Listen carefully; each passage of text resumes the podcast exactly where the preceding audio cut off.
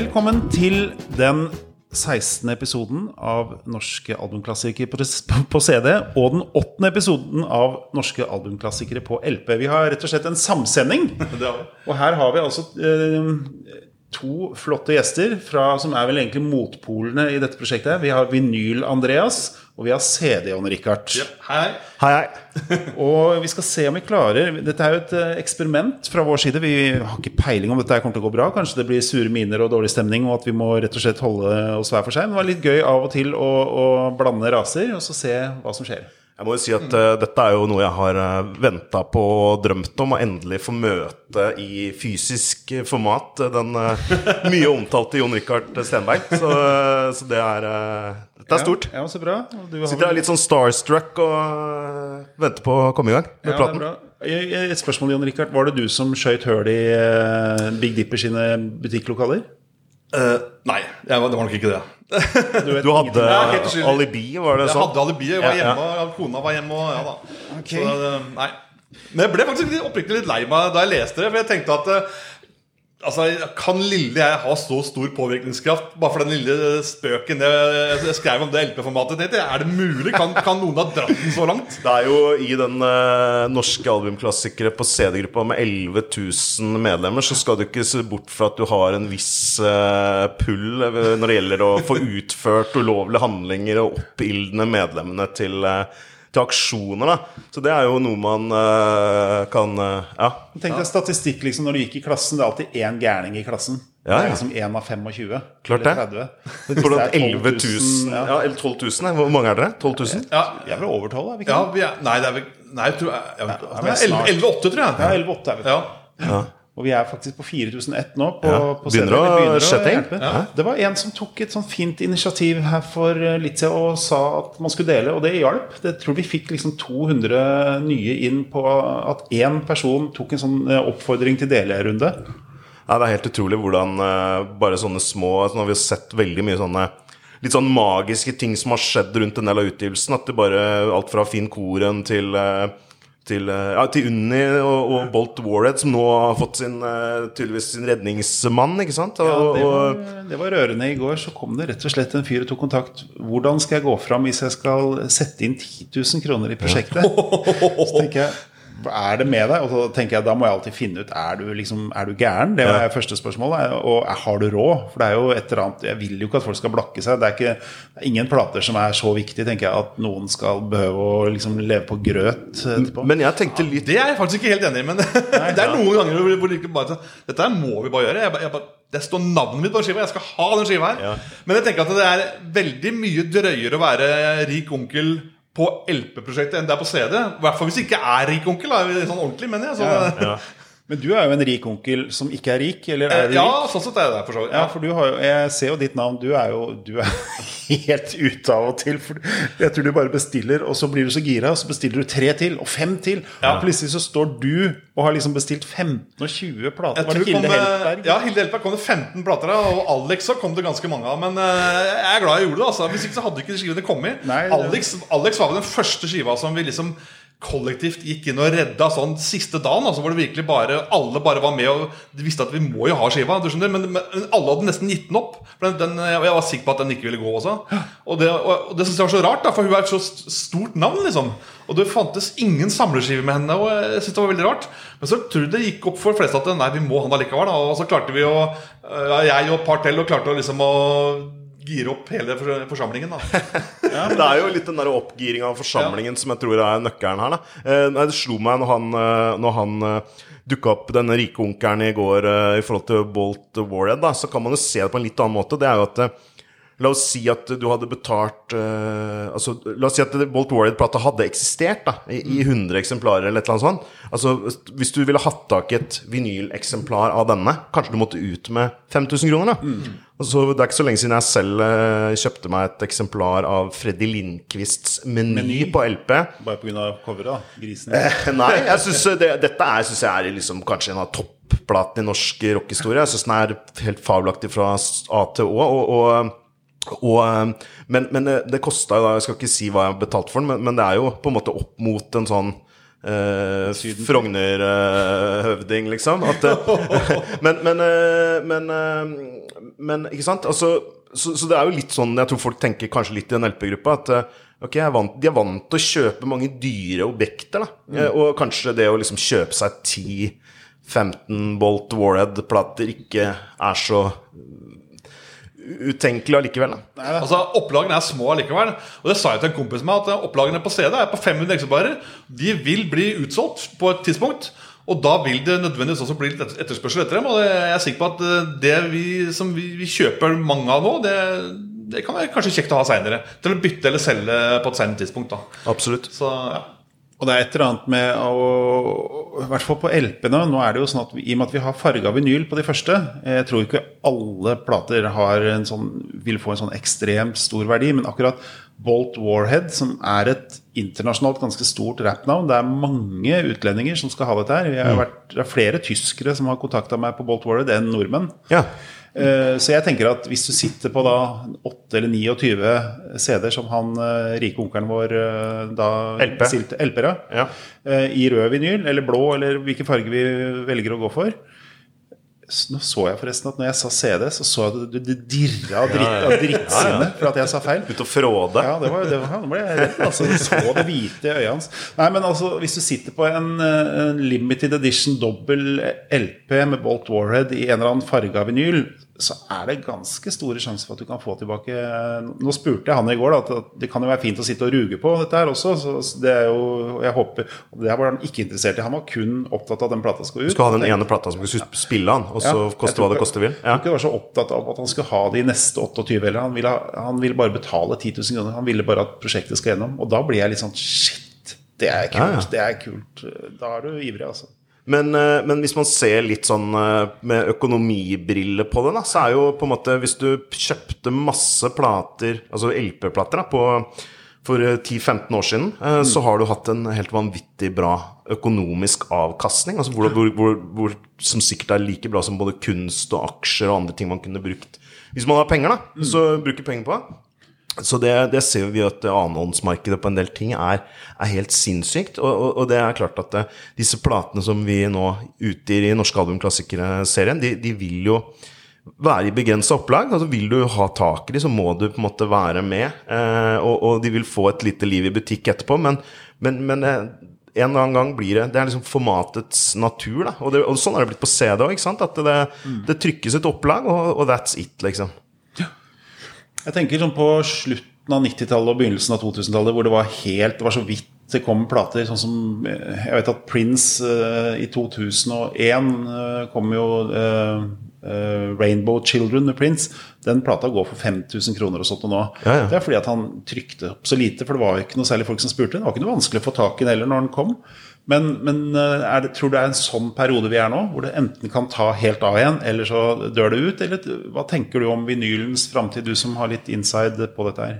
Jeg tenker jo at uh, nå er jo vinylens framtid trua av egentlig den store interessen som er rundt det, eh, og, og at det internasjonalt er så stor etterspørsel at platetrykkeriene rett og slett sliter med å ta unna det som er av bestillinger. Dette her blir jo et tema for oss utover høsten, eh, vil jeg anta, med utsettelser og og, og så videre. Men, eh, men akkurat nå da, så er det jo eh, en sånn stor snakkis i vinylkretsen er jo en sånn Miles Davis Kind of Blue-boks eh, som trykkes eh, da Som koster da opp mot 2000 kroner, ikke sant? Og, og skal da være den ultimate versjonen av Kind of Blue. Den er limited edition 25 000 eksemplarer. Eh, men er, det er lange ventelister for å få tak i den. ikke sant? Og, og, og, det, det er, og, trykkeriet har hittil klart å produsere 7000 av dem. Og skal sannsynligvis da ett trykkeri ikke sant, i USA holde på med dette her da i Kanskje et, ja, i, i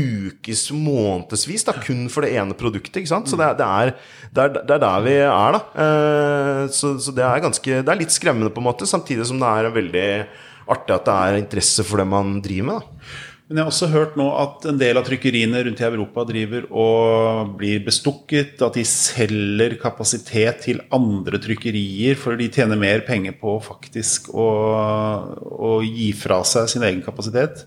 Eh, Har du hørt noe om sånne ting? Det som jeg vil anta, det er at eh, en del av de store plateselskapene tar opp veldig mye av kapasiteten i, i disse platepressene. fordi at det, det som det er størst etterspørsel etter av, av, alle ting, det er jo Dark Side of the Moon og, og, og Rumors, liksom. Mm. Og, og, og, det Altså når, når, Warner Music får inn da et nytt opplag av Rumors på, på, sitt lager i Frankrike, så er det snakk om da, kanskje opp mot 30 000 eksemplarer da, som, som går inn på lager. Og så, kort tid etterpå, så er de borte. Så vi er nødt til å sikre oss på en måte tilgangen på Rumors. er sånn at Du må liksom på en måte legge inn bestillinger langt fram i tid da, for å ha den plata tilgjengelig, som er på en måte en sånn inngangsport inn til uh, det å kjøpe plater og kjøpe seg en platespiller. ikke sant, Og rekruttere unge folk. Den plata treffer jo alle generasjoner og, og, og liksom er ekstremt viktig for uh, til julegavesesongen. Da topper han jo salgslistene våre år etter år. Um, det, er... det er litt rart, da. Den skiva har vært der Jeg, jeg syns det er rart. Altså, den skiva har vært der i alle år, så har ikke folk hatt mulighet til å få tak i brukt den. Men det er klart at det, når, når, et format tar av så voldsomt da, som det LP har gjort nå, så, så, så klart at da er det, det er en, en av de, de titlene som selvfølgelig vil, vil, gå opp igjen. Men eh, 30 000 altså. Ja, det er helt uh, Det er ganske mye. Jeg synes det er rart. Det, det, det er som på en måte alltid har vært der. Men uh, ja, sånn er det kanskje. Ja, så er det gjerne at dette er jo plater som man spiller. Ja. Uh, og da vil man gjerne ha nye etter hvert. Jeg, jo, jeg, har jo Halvparten av mine plater er jo mer eller mindre spilt én gang, kanskje maks til og med. Ja, ja. og så er de mest for samlingas skyld. så er det plater som jeg spiller om og om igjen, og de må jeg faktisk kjøpe om og om igjen. Hender man må bytte ut en plate, ja. Absolutt. Så, og, og, ja, så det, og det er musikk som treffer eh, nye generasjoner og nye kjøpegrupper. Så det, jeg tror det er, det er helt utrolig. Og, og bruktprisen altså Dette er en plate du kunne finne i Oslo på en bruktsjappe for 20 kroner. ikke sant? Eh, helt opp til ja. kanskje for ti år siden. Men nå er det sånn pent eksemplar brukt. ikke sant? En tysk pressing. 150-200 kroner, kanskje. Så, så, det er eh, så den, igjen, Tilbake til den prisstigninga, så har den vært ganske brutal på en del sånn helt vanlige plater. Die Straits, Michael Jackson Ja, For det gikk for ti eh, kroner i Absolutt ikke. Ja. Det er bare å se på ja, Thriller, hvor mye har den solgt, liksom. Altså, det burde være mulig å få tak i et brukt eksemplar, men fortsatt er det en av de platene vi selger mest av på ny vinyl. Da. Hm. Så det er It's, it's strange. ja, det er kanskje forskjell på CD. Der er der er, men der er massemarkedet så stort. Og det, tenkte jeg at, at, det var på Elpa. Altså at massemarkedet har vært så stort at, at, at, du ikke ville få sånne prisstigninger på Dark Side of the Moon og Rumors som sier. Men da er det feil, med andre ord. Det er veldig rart. Jeg tror mye må være, mye må være kasta, mye må være forsvunnet. Eh, og, og det, det er bare merkelig. Ja, og så er det jo litt med den tidløse musikken da, som får nye fans hele tida. Eh, det er jo ganske mye musikk som bare ender opp i kriker og kroker. Men eh, akkurat sånn som Pink Floyd, jeg syns det er helt rart. Eller det er ikke rart, for det er jo bra, men eh, folk på min sønns alder, liksom på 15 år, har jo nyoppdaga Pink Floyd og, og syns at det er bra. Å høre på det siden av Kendrick Lamar det er veldig sånn derre Hvor kommer disse tingene Spotify-generasjonen har jo på en måte omfatt uh, omfavner jo uh, ting i utrolig mange forskjellige sjangere. Og det er jo det som gjør at ting blir så fragmentert og, og uh, på en måte og, og, litt sånn uforståelig for oss som har vært i, i gamet noen år. Men, men morsomt er det i hvert fall. Ja.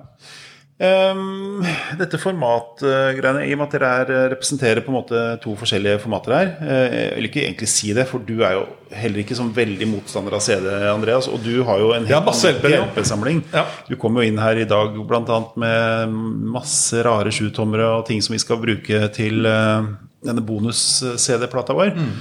Uh, men men Hvorfor er CD-en så mye bedre? Ja, nei, altså det er, det er, bare lydkvaliteten og dynamikken og ja, er be bekvemmeligheten ved det også. altså Jeg liker jo LP-coverne, svære fine, og så syns jeg kult med, med de farga, den farga vinylen. Men den lyden, altså Jeg, jeg klarer ikke altså, Det er så mange usikkerhetsmomenter. da Alt, alt ifra uh, plata som står og spinner på taket, blir sakte hastighet, og det er støv, og det kan være knepping, og det, det er så mange sånt, du skjønner Og du veit aldri hva det kommer hjem med. Jeg har kjøpt LP-er som har vært dritstygge, men som jeg måtte kjøpe for at det var så sjelden eksemplar, som låt helt strøkent.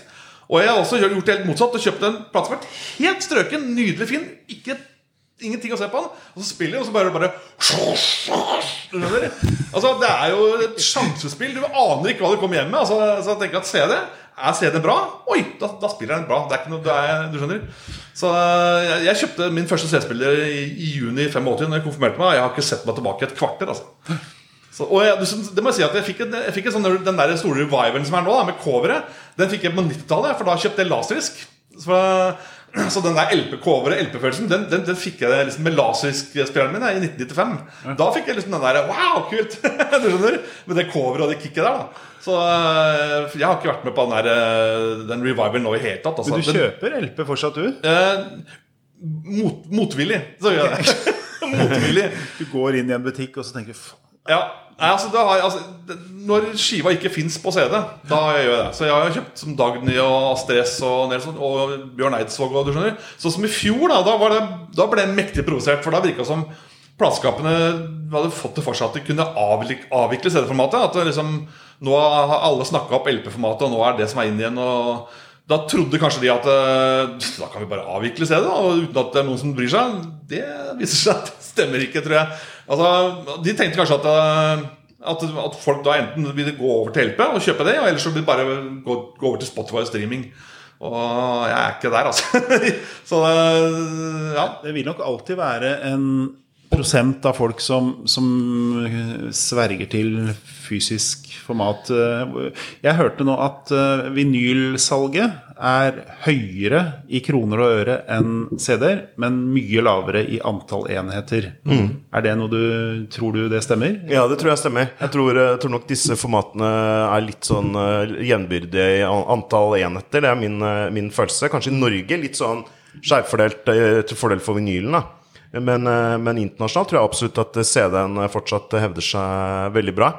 Eh, og, og, Nei, det er litt, eh, det er litt jeg, jeg, jeg, slår meg jo det at du er jo en person som definitivt har tatt det rette valget da, i forhold til det med CD versus vinyl. fordi at jeg har jo på en måte Jeg har stått og betjent av titusener av platekunder. Og, og det er én ting som jeg tenker veldig, er veldig viktig da, når man skal drive på med plater man må eh, rett og slett eh, liksom slippe det der litt sånn derre perfeksjonsidealet eh, i forhold til det med lyden og, og sånn.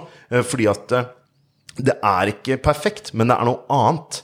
Og, og, det er noe Det er på en måte det som treffer Jeg tror treffer folk som, som hører på, på vinyl, er på en måte det derre det derre litt sånn emosjonelle, at det har en eller annen form for klang som, som liksom resonnerer bedre i, i, i, forhold til musikken. Og, og eh, eh det, det, som dette er blitt forklart med litt sånn vitenskapelig, er jo at det, det fins i LP-plata en, en, eh, en, støy eh, som på en måte er en mekanisk støy, som, som øret oppfatter som noe liksom beroligende og, og behagelig, som gjør at eh, man kanskje i mindre grad enn på liksom, digitale formater får den der lyttetrettheten. At man kan høre musikk lenger, og man kan på en måte liksom fordype seg mer i det.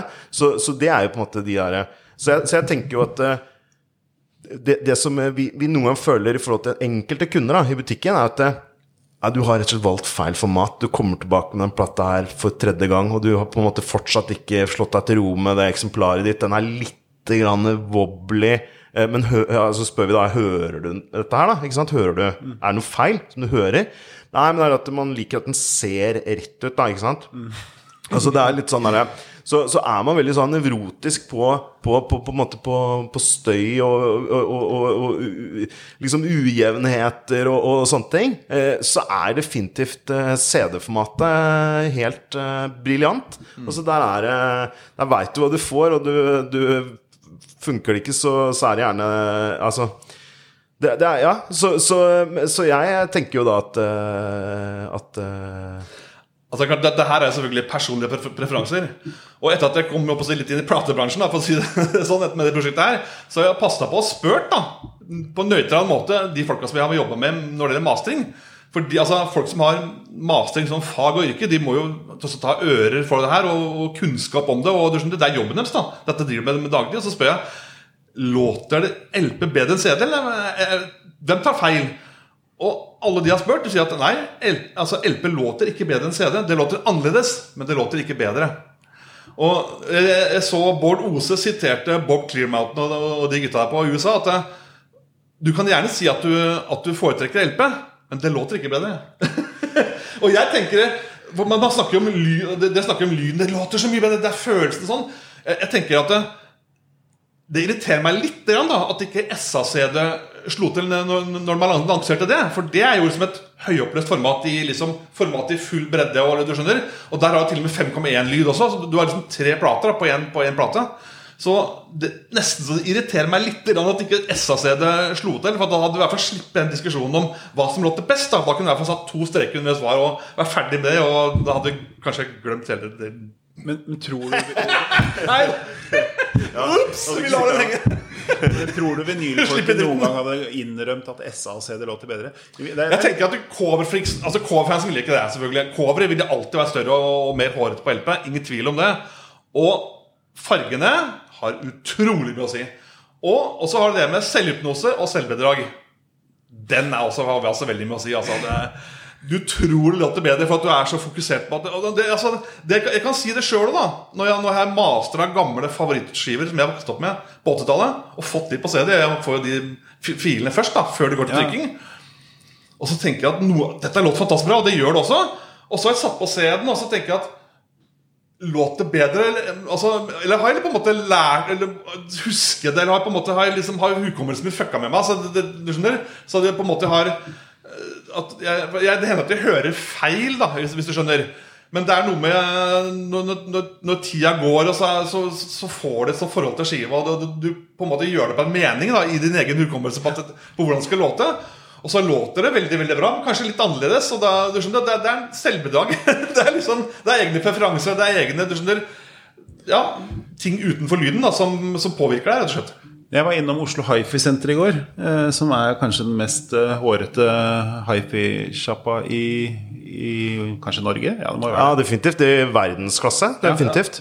Og da hørte jeg på et anlegg til var det 2,1 millioner kroner. Jeg bare var innom for jeg måtte kjøpe noe. Og han eh, Geir som driver der, er så jævlig ivrig, så, så han vil alltid dra meg med i et sånn derre bomberommet nede i kjelleren som er i sånn ser ut som det kunne vært liksom eh, helt andre ting som skjer der nede. Men der er det sånn to stoler. Den ene stolen da, som er lyttestolen, som da den personen som skal kjøpe anlegget til, er litt nærmere senter. Og så sitter den andre stolen hvor han skal sitte ved siden av. Og det var så gøy å se hvordan han da fant disse tre låtene som han gikk opp og ned på volumknappen. Han vet akkurat hvordan det skal funke og hvordan det skal låte. Så han liksom, Og her er det noe jazz. Da satte han på en trommeplate med Steve Smith eller noe sånt, hvor det var liksom bass, og du, du hører liksom du hører liksom at panoreringa er som på centimeteren at Oi, nå var det en som gikk litt lenger til venstre i rommet og lagde den ene den lyden, liksom. Altså, det, var- det var jo så eh, Jeg satt og ble så deppa, fordi at jeg tenkte at jeg kommer aldri til å få råd til et sånt anlegg. Og jeg kommer heller aldri til å liksom få høre maks av hva en artist eh, har ønska å vise fram. da for det er jo det man, når- de er i et studio og sitter der på disse fantastisk store, dyre studiohøyttalerne sine, så får du ikke noe særlig bedre lyd. Og uansett hvilket anlegg du spiller det på, så vil det låte annerledes. Noen ganger låter det bedre på LP, noen ganger låter det bedre på CD. Og noen ganger så har du jo Det er jo sånn at eh, det er jo folk som sitter og sutrer at det er så dårlig lyd på CD, og så har de en platespiller til 3000 kroner. Og så er det de som har eh, CD-anlegg og skryter uhemma, mens du liksom Jeg har jo hørt Sign of the Times-plata blir spilt eh, på duett-audio, eh, altså med Prince, eh, på et anlegg til jeg tror det var 1,2 millioner eller sånt, minst. Og, og, og da hørte jeg en stemme jeg aldri hadde hørt før. Så tenkte jeg den ville jo Prince at jeg skulle høre. Det ligger en sånn En låt som heter Hot Thing. Så er det en sånn liten Men Var det remasterversjon, eller var det for sju- for Nei, dette var den originale Såpass, 780-versjonen. Og da satt jeg og tenkte det er nesten for gærent at man ikke har et anlegg til 1,2 millioner kroner. tenkte jeg. For det bør man ha hvis man skal liksom være tro mot Og det er liksom det, det er hele den diskusjonen her er du er jo tro mot uh, dine idealer, på en måte, fordi du vil ikke CD-en og mener at uh, det blir forvirra eller for, forringa fra element til element i LP-prosessen. Men, men har du et jævlig bra eh, anlegg og har du en bra platespiller, så det er nesten ingenting jeg har hørt som har slått det heller. Men eh, Og så, tenker jeg at det, det blir så feil når man diskuterer altså, altså, hva som låter best. For det, det finnes alltid altså, ting vi har, altså, Jeg fikk en kjempe øyeåpner da Når jeg gikk over til å teste ut DTS-CD-er. Jeg vet ikke om dere to har noe forhold til DTS-CD-er? Jo, jo. Altså DTS er jo et lydsystem som ble utvikla for kino. ikke sant? Og på 70-tallet så eksperimenterte man med kvadrofoni. da Og så var jeg på Akersvik og kjøpte eh, 761 Ocean Boulevard der, med, med Clapton. Eric Clapton. Og satte på I Shut the Sheriff der, på DTS. da og så snakker man om på LP at man har, så, man har liksom, opp, det er liksom oppløsning, og det er luft, og det er liksom sånn. da Men så satt på den og bare Jeg, jeg, jeg kan nesten ikke beskrive den følelsen. Mu, altså Musikeren sitter rundt deg i rommet, og, og- det er en lydkvalitet av en helt annen verden. altså Det er jo et 20-bits-format der, på, så det er også, også høyere oppløsning enn på, enn på CD. Og der hadde man funnet fram da den originale kvadrofonimasteren eller, du skjønner, og pynta på den, da, eller liksom rensa opp den. Og du hørte gitaren bak deg, og, og, og, og orgelet på andre sida bak deg. Og det, var, det er helt og Det samme har jeg, har jeg også med Sting, og jeg har eh, skiva med, med Don Henley, som, er, som kom i 89. Building the Building the Perfect Beast, det er riktig. Sjekk bare åpningssporet der på DTS. Altså. Jeg mener alle dere LP-fans som snakker om lys, oppløsning. Oppsøk, opp, oppsøk DT-CD. Spill uh... Jeg syns det høres jævla utmattende ut jeg, å ha disse gutta rundt meg på den måten der. Uh, Det er i ikke nærheten av meg i det hele tatt. nei altså, jeg kan Det er noe mulig, men, men altså, man, man, man snakker jo man, man, kan- man, man, Det snakker om at man kan plukke ut instrumentene. da, du skjønner, Én og én. Der, der, og liksom man, man på en måte løfter mus, instrumentene ut ifra hverandre. og sånn, Og det klarer man ikke på en LP altså, i forhold til DTS. altså. det er, ikke, det er ikke, kanskje ikke primært det her eh, dette LP-greiene handler om for meg, da, men det handler kanskje mer om Det handler mer om den derre feelingen, eh, og så handler det eh, om eh, en eller annen form for eh, bedre Bedre mellomtonegjengivelse. Jeg, jeg veit ikke helt jeg, hva, hva det er for noe. Eh, altså, jeg, jeg, jeg, liker for så vidt eh, both kinds. Jeg syns at musikken kan avgjøre litt for meg hvilket format jeg vil foretrekke. Altså Enkelte typer musikk syns jeg låter best på, på CD. Enkelte samleskiver, f.eks., syns jeg er helt optimalt på CD. Ja, det må jo spilt, ja. Eh, ja, ikke sant? Så, så øh, Men, men, øh, men, men jeg, jeg tror at Jeg tror at i ni av ti som får bli eksponert for et, et bra vinylanlegg eh, i en sånn blindtest, der du får sammenligne digitalt mot analogt, vil foretrekke analogt. Det er min lille brannfakkel. Vi kan gjerne, jeg kan gjerne invitere deg bort på en uh, test hvis du har lyst at du sier det, fordi de to vi bruker på mastering, er jo like på hver sin side som det dere er. Ja. Eh, og det er så utrolig, for lyd er jo et fag. Altså, altså de, to, altså de tre, da, jeg snakket med Henning Bortne og jeg snakket med han, uh, Tom. Kvalsvold, Ja. Ja. De var veldig på at CD var, var best. Så det er egentlig bare Lars, da som, som også er jo, han jobber jo med LP som format. da Så han er på en måte litt inhabil, ja, hvis du skal si det. Men jeg, eh, jeg har også mastra ganske mange plater rundt omkring, og Ja. det er utrolig mange delte meninger. Det er, ingen, Er det, det er ikke noe sånn helt Det er ikke skrevet eh, liksom med gullskrift at eh, CD-lyd er bedre, men det er, det er sånn annerledesheten. Det er det som er ja. det, er det er noe annet. ja, det er noe annet. Og og det Lars også snakka mye om, Lars Årdal, som uh, ripper fra vinyl og masterer for oss eh, vinylplatene, han eh, mener jo at det er det du ikke kan høre, som du kan føle. Og det er også fins det studier på, da, som gjør at du kan faktisk eh, Sånn som det du sier med den lyden av eh, Egentlig som bare er beroligende for kroppen. Men en annen ting er jo hvordan man lytter. For det er jo, hvis jeg setter på en CD, så kan jeg gå litt rundt i huset, og så kan jeg lage meg litt mat mens jeg hører musikken, og så setter jeg meg ned, og så hører jeg liksom sang nummer tre rett i trynet igjen, og så kanskje jeg går og ja, et eller annet pirker litt navlelo på, på verandaen. Liksom. Det liksom. Men hører du på en plate på 22 minutter, så er det ganske store sjanser for at du at du har liksom fokus, mer fokus på plata. At, at du hører den mer i sin helhet. Det er vel også fins det vel noe tall på, tror jeg. Absolutt. Jeg tror jo at uh, en viktig ting i den der uh, vinyl-revivalen, som jeg tror jeg har eh, ganske mange sånne hifi-folk uh, med meg på, det er jo at vinylplatas tilbakekomst brakte også litt den der lyttekulturens tilbakekomst med seg. Eh, Fokus på albumet, det er jeg enig i. ja, fokus på albumet, fokus på utstyr. Fordi at eh, det er helt åpenbart at eh, altså CD-en var et bruksformat og ble på en måte Og har kanskje nå i seinere år da, eh, blitt et sånt format som foretrekkes fordi at, for dens lydkvalitet.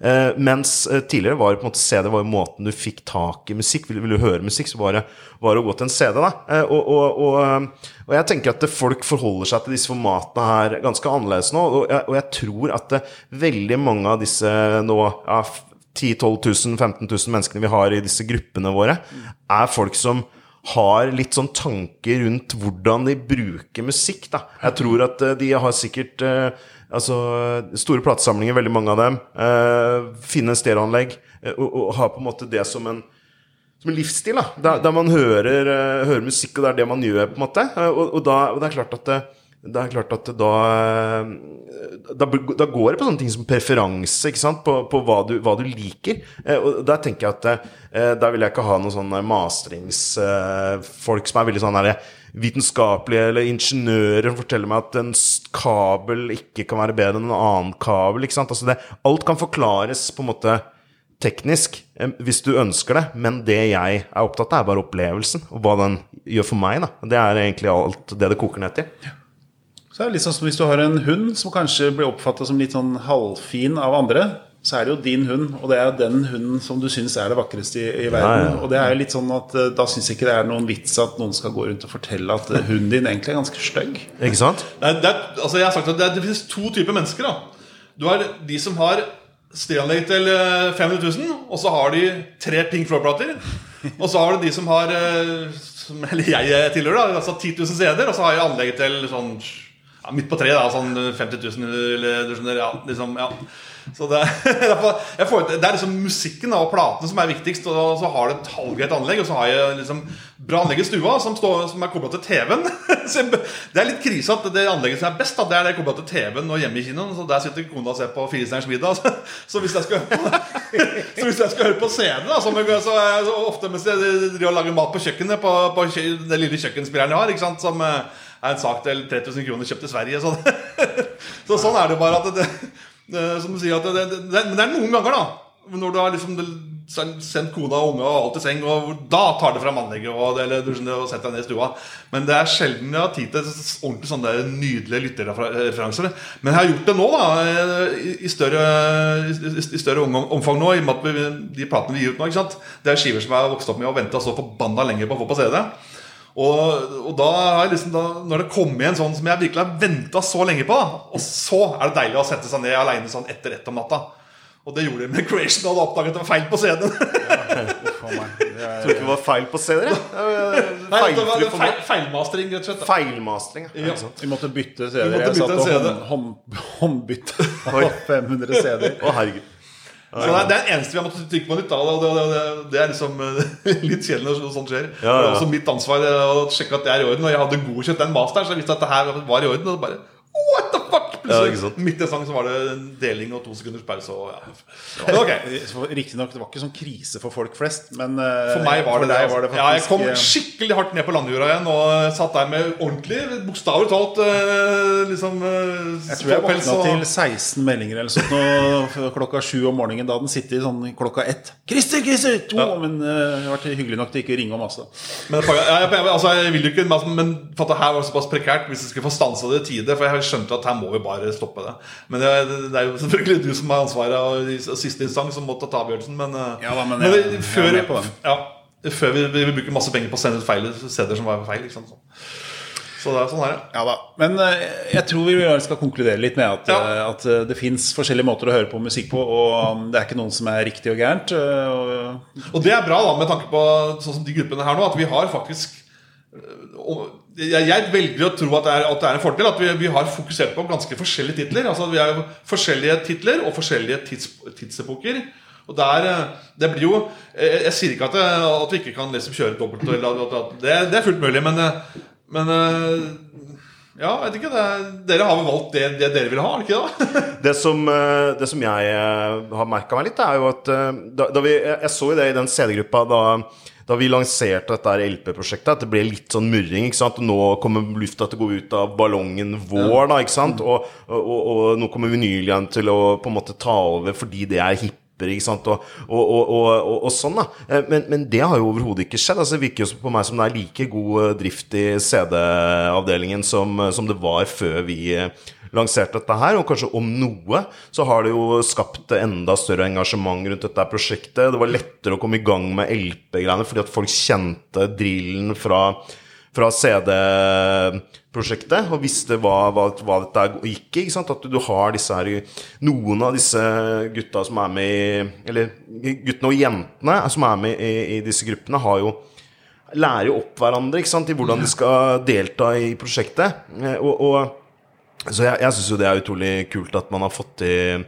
fått til begge deler. Og eh, dette her har jo definitivt vært eh, inspirerende for oss på Big Dipper da, til å liksom tenke at eh, CD-formatet skal vi eh, være med på å på et eller annet nivå blåse liv igjen, vi også. Eh, fordi at eh, vi har jo liksom hatt eh, slagordet vårt på I tillegg til dette mye omtalte eh, John Peel-sitatet, så har vi også et annet slagord på eh, på døra, og det er din Dette er Jakob som har kokt opp, da. Din leverandør av utgåtte formater siden 1999.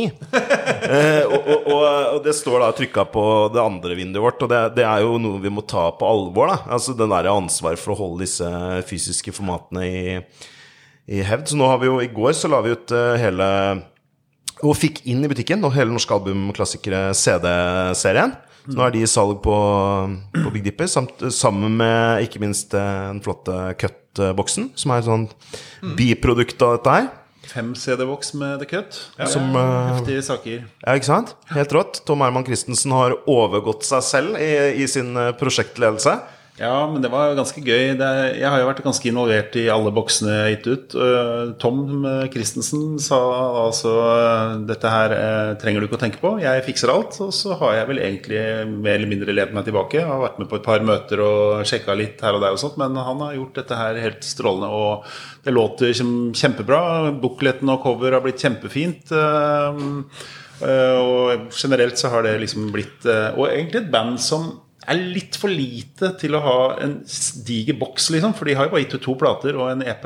Er du noe Cut-fan, Jon Jeg Rikard? må vel innrømme at jeg har slitt litt med New Wave, og jeg har spilt litt av den cut-boksen jeg fikk den i posten denne uka her. Det snakka ikke helt til meg, altså. Jeg må si Du bestilte to, du. Jeg bestilte to, ja. Der har du jo til og med Du har jo til og med medlemmer av musikkpolitiet i bandet. Jeg er det. Så, jeg er klar så det er jo Det må jo være liksom noe av det verste for deg, dette greiene her, da, tenker jeg. Altså, jeg, jeg, jeg tenker at Det er morsomt å være på dugnaden. da Ja. Uh, så- Og så det jeg så kjøpte to. Det, er- her, det er faktisk en gud. Ja, det skal, jeg, skal jeg fortelle for. Jeg lager jo Jeg er så drøy og nølete at jeg lager til og med jewel case-cover. Og for å, for, for å kunne få til så må du ha gjerne to eksemplarer av CD-en. For å kunne lage bra uh, skanning videre. For at når- når vi lager de, de boksene som jeg har vært med på sjøl, så får jeg filer. ikke sant, PDF-filer på hele bokletten og kan bare skrive det ut derfra. rett derfra. Men eh, i tilfelle med The Cut, da, som ikke jeg har vært en del av, så da har jeg på en måte gjort gjort det på gamlemåten ved å etter å bruke kopimaskin og sånn. Og, og så tenkte jeg at det, den, den gikk jo litt sånn små litt, litt, litt, litt sakte i starten, da. Så da, da kjøpte jeg to og tenkte jeg, greit, da. Ja. Tenk om alle var som deg, Jon Rikard. Da, da, hadde, da hadde til og med Buken gått inn på LP. Det hadde den. Det er litt synd. Vi ser jo nå, for nå går vi mot uh, slutten av runde én på LP-klassikerne. Vi har jo 20 album som crowdfundes uh, til enhver tid. Uh, vi ser jo nå at noen kommer til å gå inn, og noen har jo gått inn helt vanvittig kjapt og med glans. Mm. Helt fra starten med Per Bergersen og Gartnerlosjen og St. Thomas. og Nå også Marius Müller. Ja, Marius Müller brukte 19 timer på plugget-plata til å gå gjennom, og nå står folk og er helt gærne fordi de ikke får tak i den farga vinylen. Ja, det er. Ja, det, det, er jo, det er jo et tegn på at vi er jo nok folk, men kanskje ikke nok folk for uh, hvis vi tenker bredde. For det er jo bredden her som er uh, det vesentlige ved hele prosjektet. her Det er jo ikke at vi skal bare gi ut de 20 platene som selger mest, og så skal man tjene masse penger. Vi skal jo prøve å få i land øh, alt ifra pæronsoda og boastein og, og Thinkerbell og ikke sant, Ikke ganske- minst uh, Benny Kofseth. Ja, ja, Ja, det òg. Så, eh, så det, er, eh, det er litt å jobbe med her de, nå, de nærmeste dagene. Eh, Og ikke, eh, og ikke for å ja, for, Selvfølgelig også When, min eh, en, egen favoritt. Eh, Nei, også eh, Jeg tenker jo at, eh, at eh, nå har jo Mirakler kan skje, det har vi jo sett. Eh, Så her er det jo bare å Jeg ser jo f.eks. Karen Jo Fields har jo klatra bra de siste dagene. Ja. Der har det vært Det en aldri liten mobilisering, og vi ser jo det at folk eh, mobiliserer for eh, favorittene sine. Eh, og så tenker jo jeg ut fra et sånn platebutikkperspektiv at eh, jeg har fått meg noen overraskelser på hva jeg ville tenkt kanskje i forkant at eh, kunne finansieres. Jeg har eksempel denne Subway Suck-plata har jeg tenkt at den kommer vi til å få til. Ja. For den har hatt en sånn myteomspunnen status i, i alle år. ikke sant? Vært en sånn superraritet som ingen har klart å få tak i. Eh, Og, eh, og den er jo en av de som eh, sliter. Men så er det jo så er det jo samtidig, selv om det er brutalt å se eh, favorittene sine slite på den måten her, så er det jo samtidig kanskje noe liksom, realisme i det, da. Eh, at eh, i forhold til hva man kan kunne forvente at hadde funka i en platebutikk. Men, men sånn som Lars Lillo Stenberg-plata, er eh, den eh, kunne vi solgt masse på Big Dipper, ikke sant? Eh, og, og er jo en klassiker på alle måter. For, alle, for store og små. Eh, og den, den sliter jo, men der, der tror jeg vi har litt jobb å gjøre med i forhold til å få f.eks. De Lillos til å dele eh, litt sånn der type ting, da. Som vi har sett eh, god effekt av nå, f.eks. på Bolt Warhead og, eh, og ikke minst Marius Müller, der det er på en måte bra med deling og, og, og engasjement rundt. Eller Marius. Müller så har jo eh, Trude Lines jo Trude Linnes, som, har, som sitter på, altså på hjemmesiden eller altså på Facebook-gruppa til Marius Müller, som er hver dag poster, har oppdateringer og tagger navn. Hun er jo, hun er jo en, liksom en promomaskin. Mm. Hadde liksom Jeg tror det har noe med at Lars Lillo klarer seg, liksom. Eh, han trenger ikke å gjøre så mye. Dette er en sånn generasjon eh, artister som som ikke akkurat går rundt og lager videoer og sier 'Jeg kommer på Kløfta kulturhus og skal spille. Håper dere kommer.' Det er liksom ikke den sulten da, som man kanskje trenger. fordi crowdfunding er jo egentlig bare et annet ord for sult. Det er at uh, man må jobbe uh, Hvis man først er en artist eller er en forfatter eller eh, lager et crowdfunding-prosjekt, så er jo ønsket å få nok penger til å realisere prosjektet. De som starter dette her, er jo entusiaster. Sånn som vi er jo entusiaster. Men i og med at vi gjør dette her for andre, det er liksom grenser hvor mange ganger vi kan rope 'løp og kjøp drama' eller 'løp og kjøp eh, stengte dører' før folk syns at vi blir eh, pushy selgere. Men eh, vi er jo helt avhengig av at artister faktisk eh, stiller seg bak prosjektene våre. Ja, jeg tror, jeg tror det du sier der er et veldig viktig poeng. Fordi at eh, vi, Jeg så jo blant annet så har det vært litt eh, vi, vi, Det var noen som hadde et lite stikk til oss i, i, eh, på Big Dipper i forhold til liksom at vi ikke hadde vært flinke nok til å snakke opp enkelte av utgivelsene. Eh, og, og der er jo egentlig det kan jeg for så vidt være enig i eh, til en viss grad. Men, men jeg tenker jo at eh, det som jeg syns har vært det kule i begge disse gruppene, er jo at eh, veldig mange musikkfans har egentlig har fått muligheten til å misjonere for sine egne favoritter. Liksom helt uavhengig av hva musikkpolitiet eh, måtte mene. Ikke sant? Altså, om du er Postgirobygger-fan, så veit du hvor du skal finne andre Postgirobygger-fan. Hvem gjør den promojobben bedre enn en Postgirobygger-fan? Det er jo samme med Ikke sant? Eh, og så har du artister da som ikke har så mange fans, ikke sant? Ikke har noen sånne store fanbaser, sånn som f.eks. Wen, som er en sånn liten Kanskje en liten klikk, ikke sant? Som må misjonere på en annen måte. da Lytt til denne musikken, det er fantastisk, ikke sant? Eh, og, og, så, så, så jeg tenker at eh, Jeg tenker at det er et veldig viktig poeng, det der med at eh, det, det er egentlig medlemmene av gruppa som skal gjøre veldig mye av den jobben rundt promoteringen av disse utgivelsene her. Og vi skal tilrettelegge for at disse platene blir så bra som mulig når de, når de blir eh, funda, og finne de gode titlene. Og den dagen de kommer i butikken hos oss da på Big Dipper, så skal vi definitivt da skal de få et nytt liv igjen ikke sant, som ferdige produkter. Det er min tanke. da. For det er rart hvis vi skal digge og skryte opp alt. Fordi at det er jo ting sånn som Det har noe med troverdighet å gjøre. på en måte òg. ja. Det er sånn som du har jo definert Hvis jeg skulle definert solgt. Kjøp the cut, det, det er det beste jeg har hørt! Det, det, det, alle som kjenner meg, jeg vet at Nei, det tror er jeg ikke du mener. ikke, ja. det er klart ikke det er. Men sånn sett er det jo fint at vi er ganske forskjellige. Og Ja. jeg, jeg har mine ting. Jeg er jo veldig kanskje den som har mest lyst til at jazz skal funke. Eh, Mm. Nå er jo også jazzpublikummet heller ikke sånn som kanskje går inn i sånn generelle grupper. Det er jo en sånn det er jo blitt en sånn pop-rock-gruppe, og, så, eh, og så er det litt forskjellige avarter av det. Men, men liksom, hvis vi skal gi ut en visesangplate eller en jazzplate, så er det ikke sånn at eh, alle som kjøpte den ene jazzplata vår eh, helt i begynnelsen av prosjektet, daglig går innom for å se hva er den nye jazzplata. Det er et eller annet med at de som er hovedfolk her, det er jo de som alltid har bedrevet oppsøkende virksomhet til musikk. Altså de som kjøper musikkblader, de som går på Big Dipper, og de som går i platesjapper, og de som på en måte prøver å lese seg opp. Eh, Det er derfor vi sliter sånn med de liksom mer mainstream-tingene. da, Sånn at Postgirobygget har solgt 160 000 plater på, på CD. Det har egentlig ingenting å si for gruppa vår, for det er jo mer eller mindre 160 000 som har gått innom et kjøpesenter en lørdag i, på 90-tallet og tenkt eh, nå skal vi ha noe koselig å spille når vi skal grille. liksom. Og de er ikke i sånne hardcore musikergrupper. Sammen med Hanne Krogh når vi Ja, på med. CD-en. Og det, det, det, altså, og det sier jo altså litt, litt at eh, Postgirobygget har gitt ut to albumer som de faktisk valgte å ikke gi ut fysisk. Og det sier litt om at eh, de har et litt mer overfladisk publikum, da, for, for, å være stygg. Du skjønner, du skjønner uten, uten å mene noe gærent med det. da Så ja Det er liksom ikke ja, Det er ikke de som leser. Jeg tror Nei. ikke det er så mange av de som har kjøpt Postgirobygget, som vet hva produsenten av Postgirobygget-plata heter.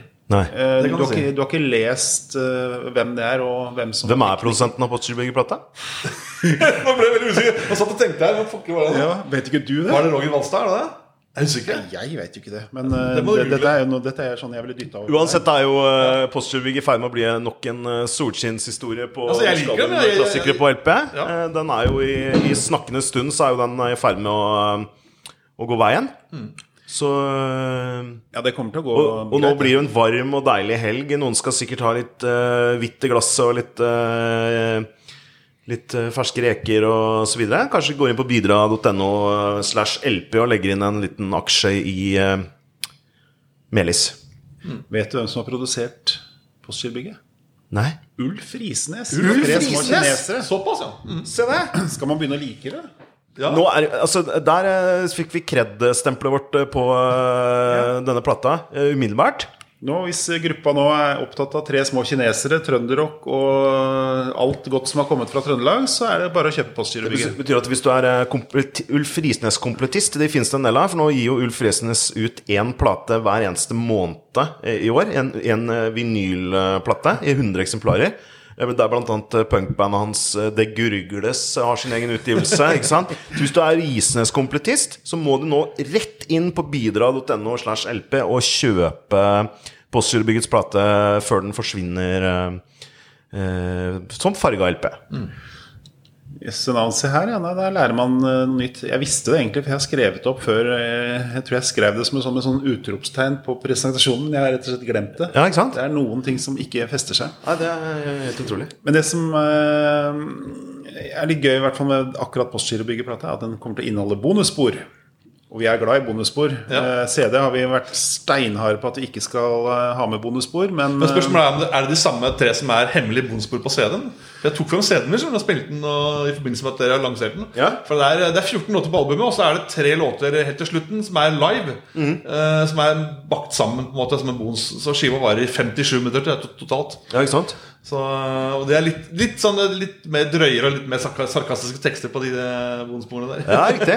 Men Me- eh, Melis da, med Postgirobygget Det er jo egentlig den tredje plata til Postgirobygget. Det Ja. var den de debuterte med, men de andre ble gitt ut på eget selskap. Og Det var det var- Rivd, og så var det Bendix Lotøren. Ja. Og de eh, to platene skal vi jo plukke eh, Arne Hule Hurlen. Hurlen?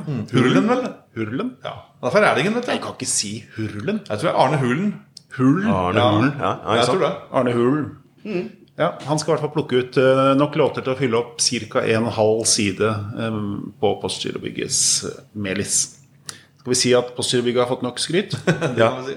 Nå må vi snakke litt Benny Kofseth. Ja, Eh, Nei, da har vi, det har vi ikke tid til. Da har vi, blir vi sittende her. Har, har, Jakob hørt Benny Kofseth prate?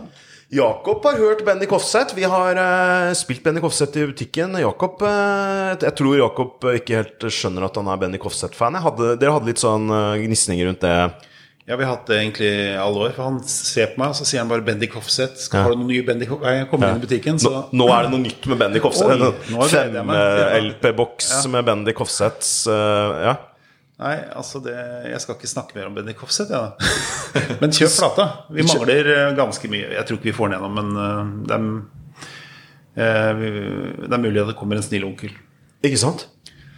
Vi får se. Ellers er det den store Alex-dagen i dag, da. Det kan jeg si. Ja. Vi mangler eh, 4000 kroner på å få Alex i mål. Og den, den går ut ved midnatt. Og nå, ja, så da har vi noen timer igjen. Burde gå, det. Ja, jeg tror det. mangler 3734 kroner bare nå. Da har det kommet flere, ja. Så Ja. Så bra. dette her kommer til å gå fint. Jeg tror Ja. du, Nå går den snart opp på førsteplass. og- Det er min lille dille her. da At eh, Jeg er litt skuffa at, det, at de kvinnelige artistene ikke har fått det store grepet da om, eh, om eh, de faste kjøperne våre helt. Det er liksom Når det ikke er, ikke er rock og ikke er ordentlig gitar, så da faller Hanne Krogh og Ingrid Rypdal og mange av de kvinnelige artistene som jeg faktisk brenner litt for. Men uh, vi, vi, vi klarer å få dem i landet likevel. Og Alex er faktisk rock. Det er til og med funk, og det er soul, og det er, uh, ja, det er ordentlig bra. Ja, Alex, det holder mål fortsatt. Det har jeg hørt på ganske mye. Et, jeg har ikke brukt mye tid på Alex tidligere i livet, men eh, jeg har hørt meg opp nå. Jeg tenker at det låter ganske friskt, altså. Ja, Så hadde jeg en liten crush på henne i barndommen òg. Det er vanskelig å unngå. Men hva tror du det kommer av dette her at eh, Man kan jo eh, Nå skal vi inn i et vepsebol, men det er rundt 90 eh, menn som er medlem av LP-gruppa, og det er rundt 87% menn eller sånt, eller kanskje 85 da, i, i CD-gruppa. Hva, hva, hva kommer det av at dette her er så herrevennlig? Ja, der, er der snakker vi eh, fingeren inn i vepsebolet. Det, det, er er den vanskelige samtalen. Ja. jeg, er, jeg, jeg, jeg er veldig usikker.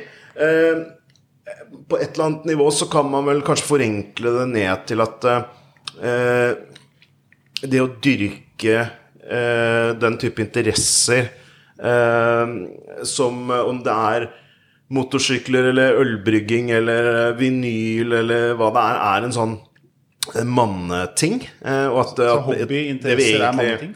Ja, altså det, det, er, det er rart, da, fordi at eh, Det er jo eh, i, i, eh, For noen år siden i, i Larvik så var det en bekjent av meg som arrangerte en sånn messe som het Menn og ting. Okay. Og, og der var jo menn og ting. Og der var jo, der var jo eh, på en måte Der var det eh, liksom klokker eh, eh, Motorsykler, eh, ja, hifi, ikke sant, og, og, og den type ting, da. Eh, og, det er liksom det, sier et eller annet om det. Altså, det, skal sies at det, det skal sies at det, på, på Big Dipper så har vi en stor andel eh, Jeg tror langt større enn den der gruppemedlemsandelen eh, viser. eh, kvinnelige kunder. Eh, jeg tror også at eh, kanskje Som kjøper eh, akkurat det de har lyst på, eh, og er veldig lite styrt av hva vi måtte mene, hva musikkanmeldere måtte mene. De har lyst til å ha, kjøpe på mange måter mye, mye sånn friere enn en del mannlige platekjøpere, eh, føler jeg. Jeg hopper mer, blander mer sjangere, blander mer greier som de liksom uh, har lyst på. da Uh, og vi har jo også prøvd å gjenspeile det ved å ha så mange kvinnelige ansatte som, eh, som det er Altså prøve å være flink på å rekruttere kvinner bak disken også. da. Eh, for at det ikke skal bli en sånn herreklubb, da, som, som jeg syns ofte kan være veldig lite interessant. Men samtidig, det har alltid vært liksom vanskelig å, å kjenne få kvinner som på en måte går veldig opp i sånn hifi og ting og tang. Drar man, på en hifi-messe, så er det 2000 deltakere og to kvinner, og det er de konene som, som gadd å bli med, på en måte. Mm. Ikke sant? Uh, og og, og, det, det er litt, litt, litt urettferdig, for det er også noen kvinner i det miljøet, men, men, men det er et eller annet her som, som jeg tror eh, som jeg tror at man kan jobbe med å på måte på et eller annet vis uh, utjevne ved å på en måte bare passe på å understreke hvor, at det, er faktisk musikk dette handler om. Da. Det er universelt, og det er det har på en måte ikke noe kjønn eller legning eller noe som helst med, med, med, med noe å gjøre. Eh, altså, det er musikken det handler om. Eh, så, men, men at, det, at det er sånne type ting som en platebutikk eller et sånt pro prosjekt som dette her kan oppfattes som, som en sånn gutteklubb, da, sånn prateklubb for gutter og herrer, liksom. Det, det, det er vanskelig å unngå, men, jeg- men jeg tror vi skal prøve å være litt bevisste på det, om ikke annet. Jeg husker fra mine år i platebutikk. Jeg tenkte vel egentlig aldri over sånn kvinneandel. Jeg har alltid tenkt at uh, kanskje det var 50-50, kanskje 60-40 favør herrer. Men de som skravla, og de som hang foran disken, det var menn. De som snakka om musikk, de, eh, de som hadde lyst til å få tips, de som Det var nesten utelukkende menn. Og jeg syns dette er egentlig ganske interessant. Jeg lurer på hvorfor. For musikk, eh, i hvert fall nå, hvor det er så mye fokus på at det skal være 50-50, eh, og du har egne organisasjoner som jobber for likestilt både i antall og i festivaler og overalt, så tenker jeg hva kommer det av? Eh, Når man skal skrive Jeg har et bokprosjekt nå hvor vi alltid prøver å få med oss eh, 50-50 til å begynne med. Jeg må også jobbe så hardt for å få kvinnelige skribenter til å skrive, mens jeg ja, til enhver tid har 100 menn som står i kø og banker på kan jeg få lov å være med å skrive.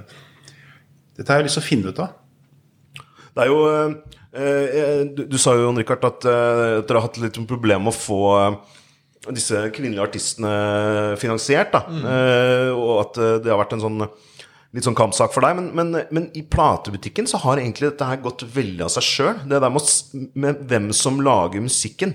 Altså den største artisten hos oss uh, tror jeg by, ganske by far er Susanne Sundfør. Altså sånn hvis du ser på, på totalsalget av antall titler, i hvert fall i forhold til altså, hvor liten katalo- katalogen egentlig har, i forhold til sånn som type Mozart og sånn, så er Susanne Sundfør eh, svært viktig, da. Det har, eh, Annelise Frøkedal har vært en veldig viktig plate de siste ukene. Malin Pettersen, eh, Susanna Wallemrød altså, det, er et vell av kvinnelige artister som gir ut eh, plater som kjøpes av både kvinner og menn. Eh, så på en måte på den artistsiden så, så tenker jeg tenker også at absolutt på, på Øyafestivalen osv. Fullt mulig å nå sånne type sånne 50, 50 målsetninger. Men idet du skal begynne å få folk til å snakke om musikk, skrive om musikk, eh, delta i forumer og sånn, så tenker, føler jeg at kanskje det er en vei å, vei å gå. da. Eh, kvinnelige musikkjournalister svært underrepresentert. ikke sant? Og det, er, det kan jo være litt forklaring da, på, på hvorfor det blir sånn det blir. Men det er kanskje noe som må jobbes med. Se på sportssendingene nå. Nå har de vært veldig bevisste på at det skal være ganske utjevna med antall kvinner og menn. Eh, Det var en periode, det må jeg bare si, at i begynnelsen, når de første kvinnene dukka opp i sportssendinger, så satt jeg alltid og tenkte hm, that's, uh, Det var jo interessant. Ja. Jeg tenkte liksom ikke uten, å- uten å ikke jeg får være slem, men jeg satt og tenkte at her er det noe rart. Og så ser man etter feil. Hvis de sier noe feil, så blir det sånn De har ikke peiling. Mens en mann som slurver seg gjennom en sending Du var liksom ikke fokusert i det hele tatt på at eh, vedkommende da kanskje gjorde sa mye gærent og, og teit. Men nå er det blitt sånn at jeg tenker ikke i det hele tatt på det. Kanskje vi rett og slett har en vei å gå eh, at mm, kanskje man må lide seg gjennom den derre eh, argusøyne og husker at Egon Holstad en gang tok Marta Breen fordi hun eh, hadde skrevet om en artist som var fra Wales, eller noe sånt, men han, hun var egentlig fra Skottland, og det var liksom Fy faen! Ja. Da satt jeg og tenkte Hadde hvem som helst, Tom, Thomas Skjeletski eller hvem som helst som var musikkanmelder på den tida, skrevet et feil land, så er det vel ingen som hadde brydd seg om det. Og da satt jeg Det er litt sånn jeg tenker at kanskje kvinner rett og slett De damene som nå tar dritten for å komme over den bøygen, det er de kuleste damene. Ja, ja, ja.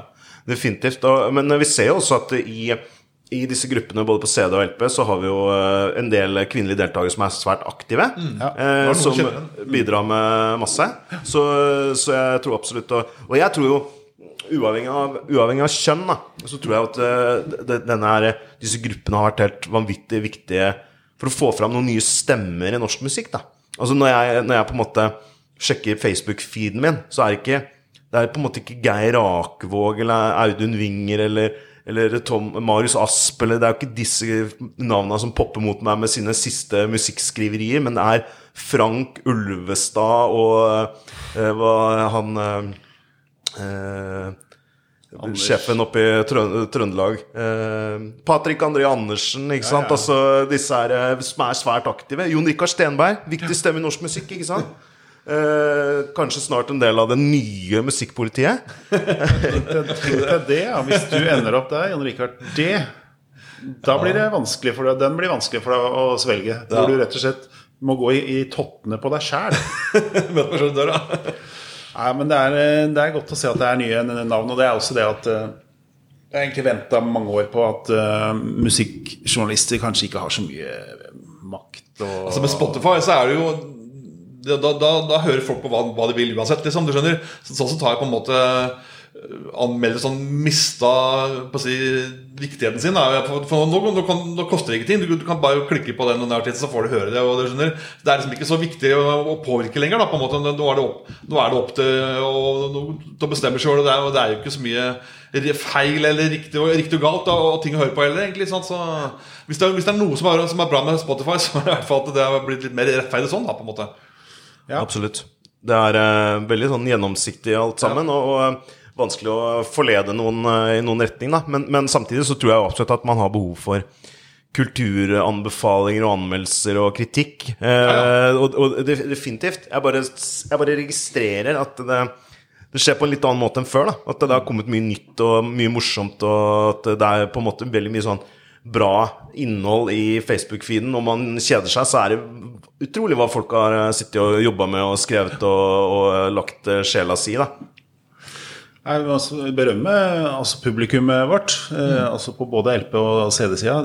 Du verden så mye jeg har lært om norsk musikk etter at jeg begynte med dette her i januar. Jeg trodde faktisk jeg var Jeg er så kvalm at jeg trodde jeg var litt sånn utlært på norsk Ja, ja. musikk. Og jeg, altså det er sikkert 200 plater jeg ikke har vært borti engang, som jeg bare tenker Dette er jeg jævlig interessert i. Og som du ikke får tak i. Får ikke tak i det på LP. Altså, vi, eneste vi blir nødt til å gjøre, er å, å gi det ut, sånn at vi får finne ut om det er bra. Ja, Og det er jo en ganske kul ting, da. Det er, jo, et, eh, det er jo sånn sett et uh, Altså den felles kunnskapen vi sitter med på altså disse 15 000 totalt uh, menneskene, det, det, er helt, det er verdens beste Wikipedia-database. Og så har du samtidig så har du folk som Arvid Skanke Knutsen, som er i gruppa og bare liksom overser det hele. Da, sånn at ikke det skal skli helt ut med sånn eh, fake news-messig, liksom. At, eh, at det ikke blir sånn derre ja, sånn ekkokammer der, man- der det oppstår sånn feilinformasjon, så har man liksom kvalitetssikringen Fasiten. med Ja, fasiten, da. Eh, Så det er, det er veldig morsomt. Og så er det veldig gøy også at eh, det er veldig mye informasjon som ligger tilgjengelig der ute, som ikke jeg egentlig helt veit alltid hvor jeg får tak i. Nasjonalbiblioteket har jo egne ting du kan søke i. Du ser jo sånn som Geir Myklebust som sitter og graver fram når det butter med en plate. Så er det sånn dette skrev han i Finnmark Blad i 1983, og da ligger det hele saken eh, Ja, det er helt rått. og så plutselig Og det er informasjon som bare er borte. Det fins ikke lenger. Den, det ligger i en databank. Så jeg mener at uh, egentlig burde man jo nesten Det var en som også skrev til meg at uh, alt som skrives her, bør jo loggføres, og så komme i en sånn derre 10 000 siders bok uh, med sånn, eller i hvert fall digital bok, da hvor du kan gå inn på Alex, eller du kan gå inn på Stengte dører eller Boastein, og så vil du få den infoen der. For det, hvis du ser på Når jeg skal lage biografier, så er det ofte bruker jeg Rockipedia eller Wikipedia, gjerne som baser. Og det er så mangelfullt og så lite som står. Jeg skulle lage noe her eh, nå i dag om Ja, nå kan jeg ikke si det, for det er en LP vi skal legge ut snart. Men Ja. eh, det, det er rett og slett sånn Det fins jo knapt nok informasjon. Så tenker jeg, Hvis jeg hadde hatt tilgang til det, alt hva folk har skrevet om dette her, og alle disse artiklene de har lagt ut, som de har gravd fram fra lokalaviser og sånt, det, er- det er jo det er tidenes beste Det er, det er musikkleksikon, rett og slett. Ja, ja. Så det får bli eh, litt framover. Det er litt gøy nå, mens vi har prata sånn, altså, Flere av de menneskene vi nevnte i stad, nå er de på, på og skriver akkurat nå. Ja, ja. Det er helt, eh, helt rått.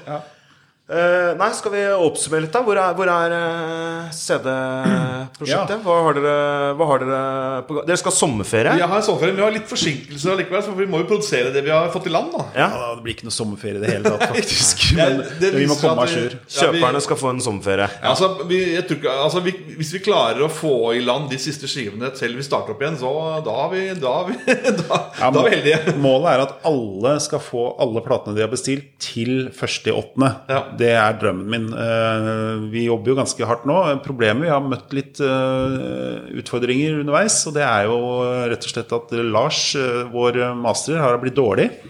Så han får ikke mastra for oss på en god stund. Så vi blir nødt til å mm, finne litt alternativer. Det fins jo heldigvis mange flinke folk, men det har gjort at vi ligger nå noen uker bak. Jeg, jeg henta meg inn veldig godt på fram til nummer 70, Utopian Fields, for da fikk vi først 10, og, og så fikk vi 15 uka etterpå. Da tenker jeg nå, hvis vi bare greier å peise på nå, så kommer vi a jour med det vi har lovt. Og så skjer jo alt eh, på en gang, og så koker det bort litt. Men eh, vi ligger jo litt bak. Men ikke, vær så snill, ikke, ikke spør når plata kommer. For jeg, jeg våkner hver morgen til nærmere 100 meldinger. Når kommer når plata kommer? Ja, Jeg får ikke oppleve det før eh, mot slutten av året her, da, med disse LP-ene. Nei. Men eh, Jeg har noen triks på hvordan vi skal unngå Ja, det. Vi må vi ut mailer sånn, og Vi har jo disse giverlistene som vi får Ja, ja. fra bidra.no. Og så sender vi ut Hei, sånn ligger han nå. Ja. Dere får en ny beskjed. Ja. En eller annen, hvis du får en av disse supergutta dine til å, å være kundekontakt inn mot deg der Ja, ja. Fordi at det, det er det jeg burde gjort, jeg også, men jeg har ikke tid. Så, Mm. Og det ender opp med at man sitter og svarer 100 i slengen istedenfor. Det er helt idiotisk. Men eh, ja, det skal vi finne en bra løsning på, det er helt klart. For folk er veldig opptatt av dette her eh, datoen når det kommer. Ja. Og hvis ikke kommer den datoen, så ringer de og så spør de. Og så, Jeg har jo liksom full telefonsvar til enhver tid. Jeg blir jo gæren av dette her. Så det hadde vært hyggelig hvis man men Det er sikkert ikke dere som hører på denne podkasten som er de verste. Det vil jeg tro. Dere, dere kan jo opplegget og skjønne systemet. Men vi har nå eh, Men vi har jo Ja, nei, sant, men fuck you, dere andre som ikke hører på Fuck alle, fuck alle som ikke hører på podkasten. Dere, får- dere famler dere blinde og sender altfor mye mail. Ja. Skjerp dere, ta dere sammen. Men nå har vi jo da 16 plater, er ikke det vi har igjen på CD, som går ut sånn litt etter litt nå. Det er et par som ryker i løpet av de neste to dagene. Alex må vi få inn i dag hvis den skal overleve. Hvis ikke så er det over og ut for den. Og så er det jo et par plater som ikke kommer til å gå der. Når det gjelder vinylen, så er det jo ganske mange nye som kommer inn om fem dager, er det ikke det? For det er da vi, vi begynte. Jeg tror i hvert fall det er åtte plater eller sånt som vi bytter ut. Mindre de, ja, enten så går de inn, eller så så- går de inn, og så blir de bytta ut. Ja. Så, og det er jo crowdfundingens eh, nådeløse natur, er at eh, noen får det til, noen får det ikke til. Det er jo sånn at noen har sagt kan vi legge på noen ekstra dager på Ramblins, for da er det feriepenger og sånt. Og vi kommer ikke til å legge på noen ekstra dager på noe, men vi utelukker selvfølgelig ikke at vi kan eh, eh, gi ut og prøve på nytt igjen når vi har flere medlemmer. Vi har jo nå litt over 4000. Er vi oppe i 8000, så har vi jo i hvert fall på papiret dobbelt så stort utgangspunkt. Og vi merker sånn som nå som vi mm, gjorde Marius Müller. Det er jo ingen Marius Müller-fans i Norge nå, nesten, som ikke vet om sida vår. Ikke sant? Og hvis vi begynner å liksom gå litt sånn tungt ut, eh, så vil jeg tro at vi har dobla kundegruppa vår i løpet av et halvt års tid. Og da kan man jo kanskje prøve en sånn type ramble-in som det ser ut nå som ikke går inn. Absolutt. Men vi kommer ikke til å utsette, vi kommer ikke til å lage en sånn reservepott. Morten Møller hadde en sånn derre vi skulle legge av de pengene og prøve igjen litt seinere. Det var veldig mange søte forslag. Ja, ja. Folk, og folk kjemper jo for platene sine, og det er det som er kult. Absolutt. Nå er det jo siste innspurt, så da gjelder det å kjempe litt ekstra hardt. Kanskje Ja. kommer noen feriepenger eh, rundt omkring, eh, for alt jeg vet. Og kanskje noen kan få seg et løft. Og så må vi også bare si det som vi sa i stad, eh, at kjøper du ti plater, så er det ikke nødvendigvis sånn at de penga er kasta ut av vinduet, fordi at plater blir mer verdt. Og eh, nå har vi jo lagd det på CD-en. Vi har lagd en egen tråd hvor folk kan få lov å selge innad i gruppa, bytte innad i gruppa. Vi vil helst ikke at de skal pepre hele gruppa, så vi har lagd en liksom egen eh, kunngjøringssak som ligger under CD-saken vår. Og der er det jo folk som har kjøpt gjerne to og tre og fem plater, som nå finner ut at de kan bytte med hverandre. Oi, Ja, ja. Kristin Berglund, kjøpte du tre av den? Kan kanskje vi skal bytte? Da koster det dem bare porto, på en måte. Ja, ja. Og det er en ganske sånn kul greie. Og jeg tror jo at øh, hvis jeg hadde visst det jeg visste om musikk eh, eh, og LP-er og opplag på slutten av 90-tallet og begynnelsen av 2000-tallet, så hadde jeg jo kjøpt 20 av hver plate. Og så hadde Ja. jeg bare putta det i en skuff, og så hadde jeg eh, tatt de fram nå. Helt klart. Det er jo, eh, kan man angre bittert på også som platebutikk driver, at man ikke har stukket unna litt eh, plater som, sånn fortløpende. For det er jo ville vært smart økonomisk, men Jeg hadde det faktisk på Bennys. Så hadde jeg en sånn kasse som sto under disken hver gang jeg fikk inn noen sånne veldig spesielle ting. Så putta jeg bare plater, LP-er, CD-er i kassa. Og så lukka jeg en kassa uten å se hva det var for noe. Putta inn en ny kasse. Og de kassene har jeg tatt med De ligger på et fjernlager på Alnabru. Der har de ligget siden 2000. Og jeg tror det er i hvert fall 10, kanskje 15 kasser med Jeg vet noe av det som ligger der. Det er rariteter. ja, det er rariteter. Ja. Sånn, jeg husker jeg tok vare på kvinner og klær med de derre før den het Jenter og sånn. Og så fikk jeg en Ole Paus-boksen med en sånn bonus-CD i, husker jeg lå der. Crystal Ball-boksen til eh, Prince, de er jo dødsmye verdt. Jeg tror faktisk jeg har ti stykker eller noe sånt. Ja. Puck-versjonen? Ja, den der puck-versjonen? den Nei, ikke pucken, det er vel den vanlige. Men Ja. pucken har jeg sjøl, selv, selvfølgelig. Men ikke, den fikk vi ikke kjøpt i butikk. Men jeg, jeg husker at jeg, jeg tok så mye ting og la til side. Og tenkte bare faen, det, her, og det skal jeg gjøre en dag nå. Skal jeg ta en eh, dag i sommer og gå gjennom. Men jeg hadde liksom bestemt meg for at dette her skal jeg ikke se på før mange år har gått. Og der er det sikkert mye ræl med ting som aldri ble noe stort, og aldri Ja, ja. ble noe av. Men jeg husker at det er, det er ganske mye gull oppi der. Ikke lagt av noe. Du har ikke Nei. Men så jeg si det, altså, var snakk om, snakk om Boastein, da, som er liksom den store juvelen i, i undergrunnen. ikke sant? Så var jeg på, på Rock and Rolls for et par uker siden. Og så Der er det rulletrapp ikke sant, ned i butikken. Ja. Og så i taket der, over rulletappa der så jeg Boastein-skiva utstilt i, på der sammen med mange andre sjeldenheter også. Jeg tenkte, pokker, Er dette forsvarlig? Men jeg lurer på om det bare er coveret. ja, det, ja, jeg håper Jeg, jeg tenker at det er nesten for, for gærent å ha den uh, Ja, for det Utstilt i, alskens vær og vind, tenker jeg. Ja, ja. Og liksom eh, bare, ups, det, var, det var et par ting som bare Wow! Oh, men det er ganske mange ting som er på vei ned trappa der, som er ganske mye verdt. Men Ja. jeg usikker på om det er selve platene, eller om det bare er uh, Men det er ikke om det så er bare coveret, eller hva sånt, så, er det vel kanskje en LP på bakrommet, eller hva som helst. vet ikke men, ja, eller, hva, eller, eller hva de har gjort. Men eh, jeg tenker på at det er jo noe av det mest sjeldne som er. ja, Ja. Hva er den mest den dyreste plata du har i butikken Dyreste plate vi har i butikken nå? Eh, nå har vi veldig mye dyrt. Kjøpte inn noen store samlinger. Eh, jeg kommer ikke på konkret hva det er, men det er mye sånne 4000-5000 kroners plater i omløp nå. Det det. Signerte Sonic Youth-plater, originale Stooges-plater fra USA, og altså masse sånne der ting som du aldri ser, da, som vi har, eh, har eh, i omløp om dagen. Og anbefaler for øvrig, bare for å drive litt reklame, så har vi en Facebook-gruppe som heter Big Dipper selger brukte plater på nett. Den, den har for øvrig nesten 5000 medlemmer. eh, med veldig høy aktivitet og legges ut plater som kan kjøpes der hver eneste dag. Eirik, vår brukthandler, som mange kjenner fra Ringstrøms antikvariat tidligere. Han jobber hos oss og jobber med denne Facebook-gruppa. Veldig morsomt. Der kan man også få et litt sånn bilde av verdier på ting. da eh, Gjøres veldig sånn ryddig med graderinger og, og utgaver, og, så man kan få lære litt om, eh, om brukte plater, rett og slett. For dere har jo ikke bare nytt hos dere, dere har jo masse brukt. Ja, vi har det. Og så er jo det også noe vi ønsker å utvide framover, da. Eh, Jeg tror jo definitivt at det, i, i, I lys av det annenhåndsmarkedet, så tror jeg det er sånn bytting og kjøp og salg av platter og sånn, jeg har jeg definitivt veldig troa på for, eh, for, eh, for framtida. Men det at Boastein, som da er så sjelden, så vanskelig å få tak i, og går for tusenvis av kroner eh, Når vi nå prøver å lansere den på nytt, så er det ikke mer enn 50 personer som har bestilt. Betyr det det er et samlers marked? De vil bare ha den originale? Eller betyr det at eh, At rett og slett det er ikke interessant Det er flere Big Dipper-ansatte som er bekymra for den Boastein-utgivelsen.